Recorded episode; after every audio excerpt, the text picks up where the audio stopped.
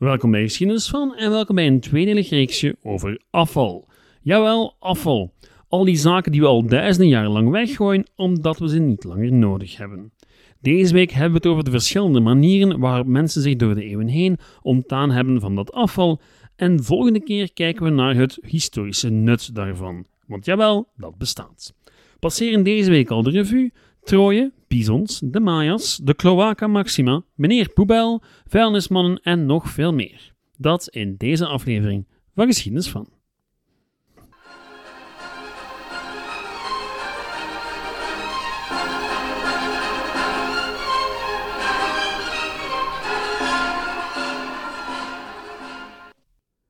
Ik geef het toe, beste luisteraars, soms verveel ik mij een beetje. Het is dan wel uiterst boeiend om het te hebben over reguliere geschiedenis, maar af en toe wordt de opsomming van tijdstippen, namen en miserie me simpelweg te veel. En dan ga ik op zoek naar een thema waar een hoek af is. Meestal een onderwerp waar ik me af en toe al vragen bij gesteld heb, maar waar ik nog nooit echt de tijd voor heb genomen om het uit te zoeken. Denk maar aan de aflevering over koffie, marihuana of de vork. En omdat u zelden klaagt als ik zoiets vreemds doe, blijf ik het gewoon doen. Iets waar ik u trouwens zeer dankbaar voor ben, want doordat u luistert naar al dit gebazel, hebben al mijn onderzoekjes nog iets van nut. Het vreemdste aan de zaak is dat ik bijna altijd een of ander boek vind dat zich bezighoudt met net die vraag die me die week martelt.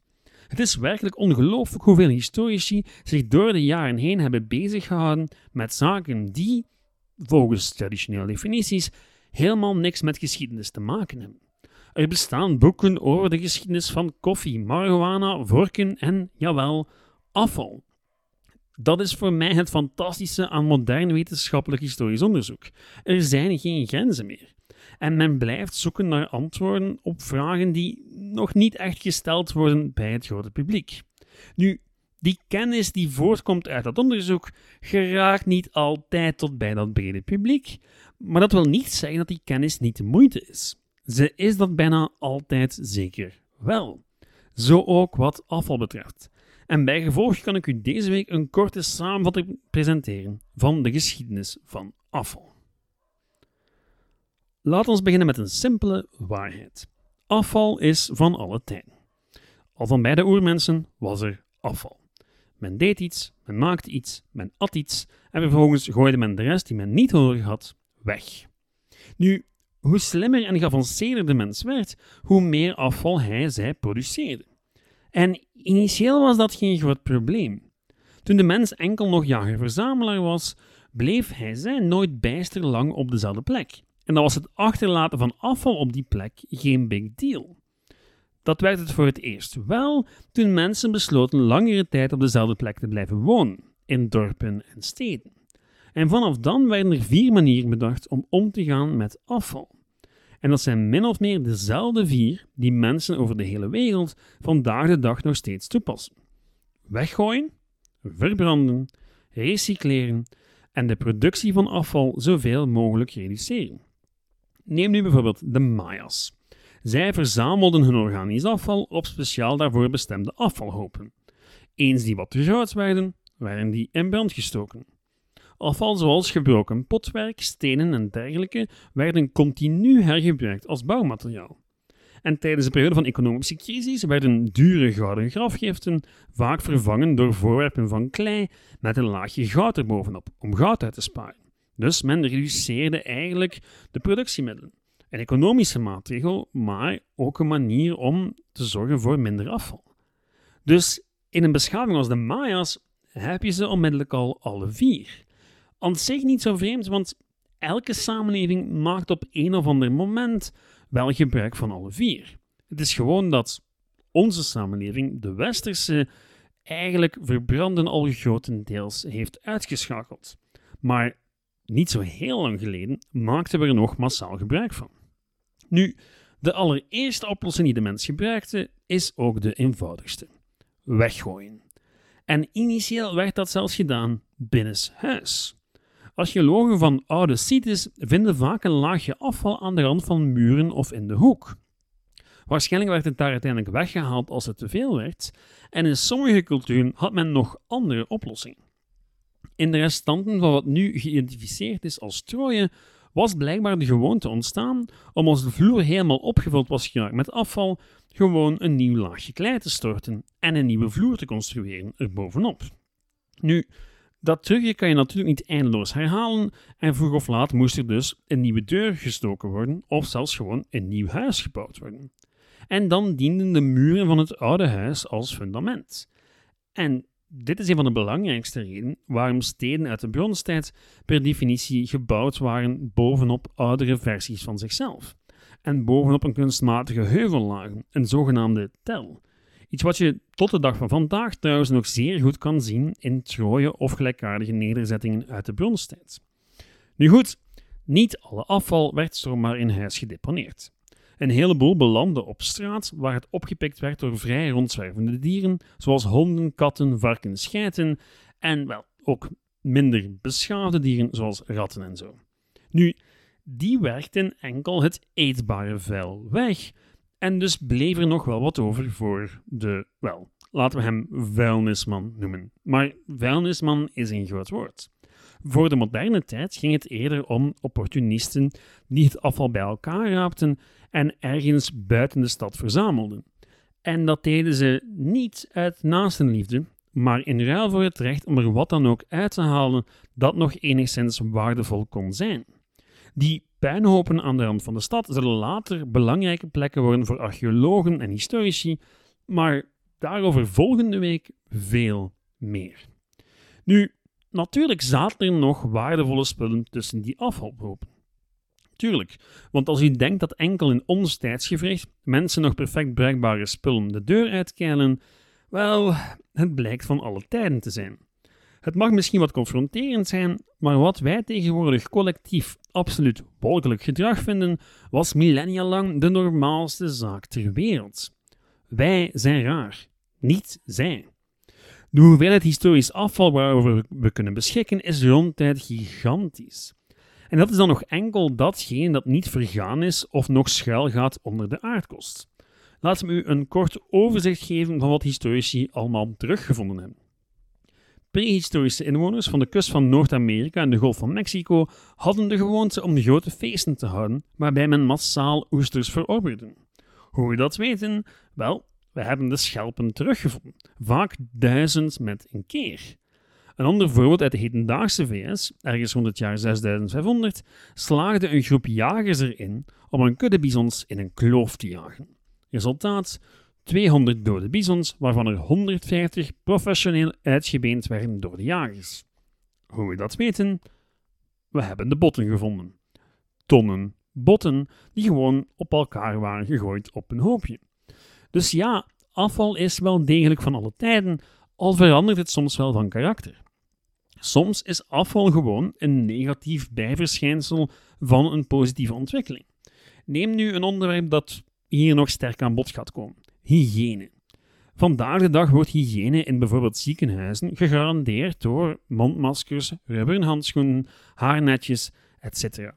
Dat is een heleboel rommel die slechts één keer gebruikt kan worden en dus per definitie voor een extra afvalhoop zorgt. Maar ik denk niet dat wij terug willen naar een tijd waar dokters operaties uitvoeren zonder handschoen, haarnetje of mondmasker.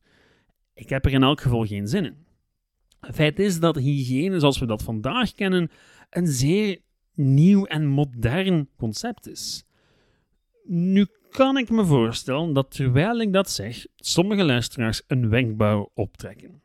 Want er waren toch plekken waar men wel waarde hechtte aan zaken als hygiëne liggen er onder plekken zoals Rome niet nog steeds millennia oude riolen? Wel, um, ja, absoluut. En niet alleen onder Rome trouwens. Een heleboel antieke steden hadden riolen en zelfs in het oude Macedonië en Sumerië zijn er gevallen bekend. Hetzelfde geldt voor Mesoamerika, uh, bepaalde steden in Azië. Nu, het feit dat er riolen waren, maakt van die steden geen tempels van hygiëne. Over het algemeen werd er nog altijd op een massale schaal afval weggegooid. Alleen betekende de aanwezigheid van een riool vaak dat er een duidelijke bestemming was. De Romeinse riolen, en die van vele andere plekken, waren vaak weinig meer dan overdekte grachten en kanalen, die oorspronkelijk bedoeld waren om overtollig water af te voeren naar de zee. En als dat water dan toch naar de zee ging, wel, dan kon je er even goed al je afval in kwijt. Toch zeker je meer vloeibaar afval. Een goed voorbeeld daarvan is de zogenaamde Cloaca Maxima, het beroemde gigantische riool in Rome, waar alle andere kleinere riolen op uitkwamen. Nu, dat was oorspronkelijk niet geconstrueerd als een riool, maar als een waterweg om een moeras door te leggen. Uiteindelijk werd het een riool, eerst in de open lucht en daarna, om logische redenen, overkoepeld. De Cloaca Maxima is wel degelijk een indrukwekkend staaltje Romeinse ingenieurskunst, maar geen getuige van een moderne attitude tegenover vuilnis. Ja, er waren riolen, publieke latrines, publieke baden en nog een heleboel andere zaken, maar dat betekent helemaal niet dat Rome of andere antieke steden hygiënisch waren. De meeste huizen waren niet aangesloten op de riolen en de inwoners ontdeden zich nog steeds op de klassieke manier van hun vloeibaar en niet vloeibaar afval, zijnde uit het raam gooien. En die baden, ja, die waren ook niet bijster hygiënisch over het algemeen, want ze werden gebruikt door een heleboel mensen en er werd geen onderscheid gemaakt tussen zieke en gezonde bezoekers. Dus een van de beste manieren om een ziekte op te lopen was naar de baden gaan. Dus ja, en nee trouwens, die baden werden niet gekuist zoals vandaag de dag. De publieke latrines die ons zo modern lijken, waren in werkelijkheid broeihaarden van bacteriën. En van afvalverzameling was ook amper sprake. Ja, in heel wat steden kon je een contract afsluiten met een bepaald bedrijf dat dan slaven stuurde om in jouw straat de dingen op te ruimen, maar dat was een privilege. Voor de overgrote meerderheid van de bevolking in de steden was de stad een vuile, gevaarlijke plek. En dat geldt voor zowat elke stad sinds het ontstaan van het concept stad tot in de 19e eeuw. Ja, soms was er degelijke infrastructuur die de situatie wat verzachtte, maar dat was dan vooral voor een kleine bovenlaag. Een bovenlaag die erin slaagde om voor zichzelf een kleine oase uit te bouwen binnen de stad.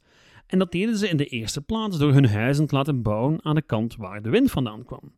Want ja, de wind blaast dan alle slechte geurtjes weg van jouw woning.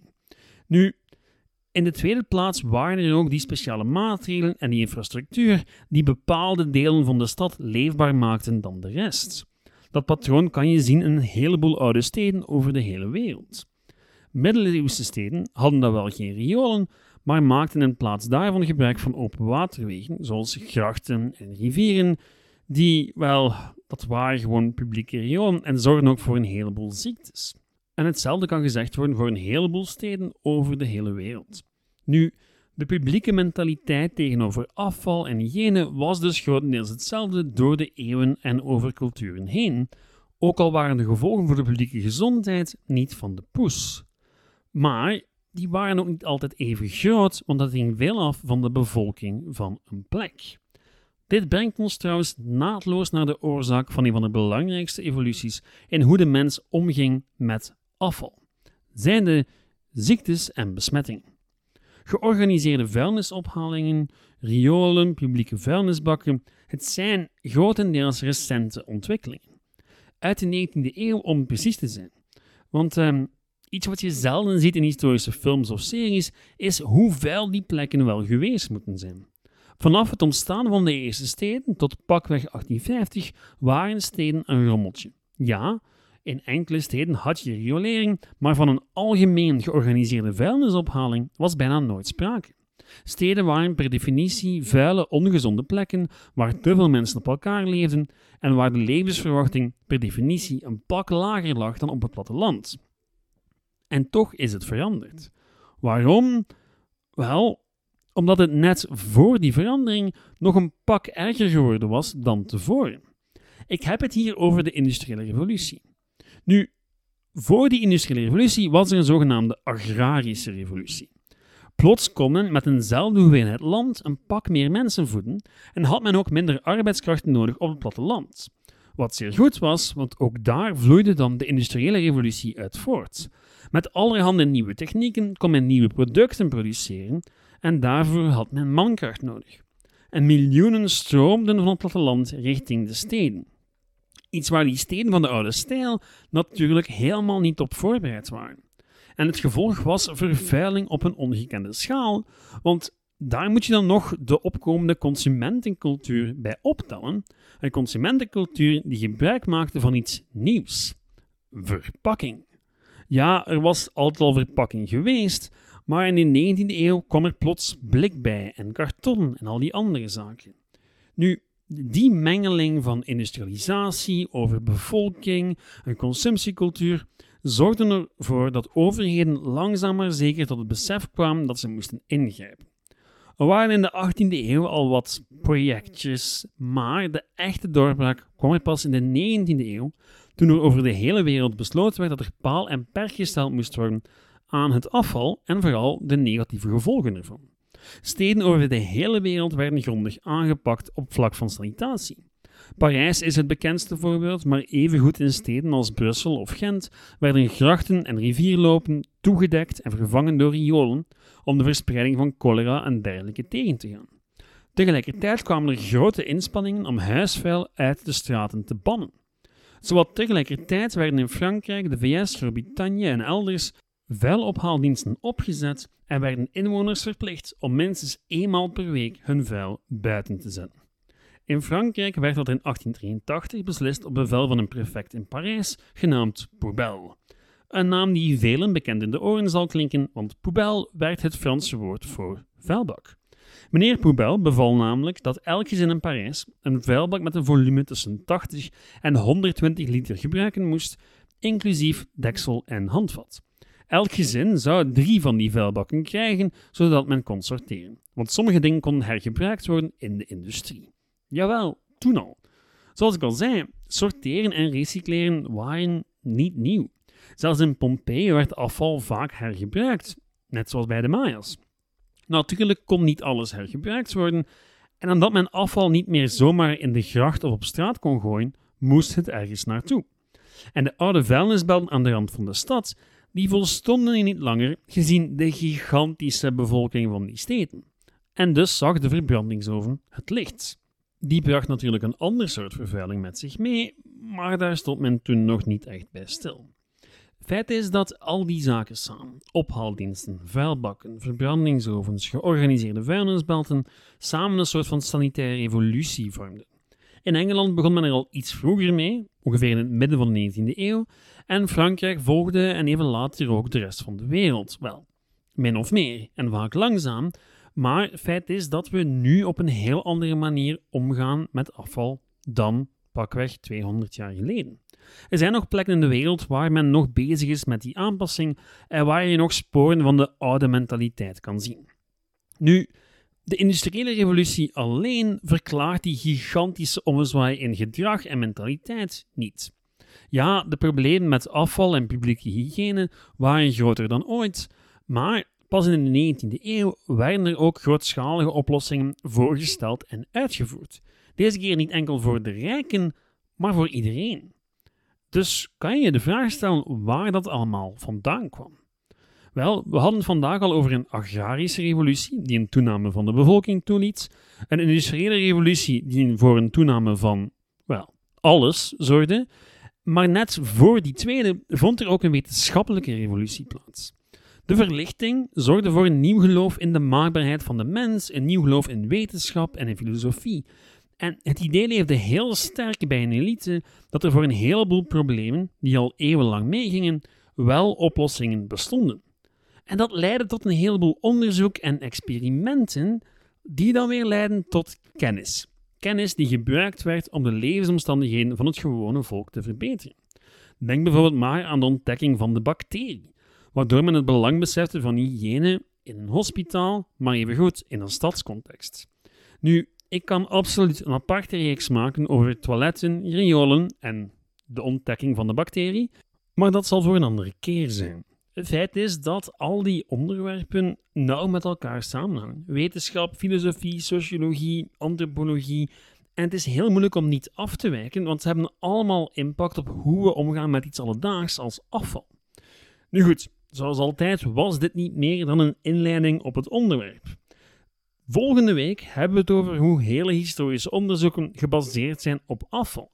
Want als afval zulk een sociologisch wetenschappelijk fenomeen zijn, wel, dat wil zeggen dat we een heleboel uit leren kunnen over hoe men in het verleden leefde.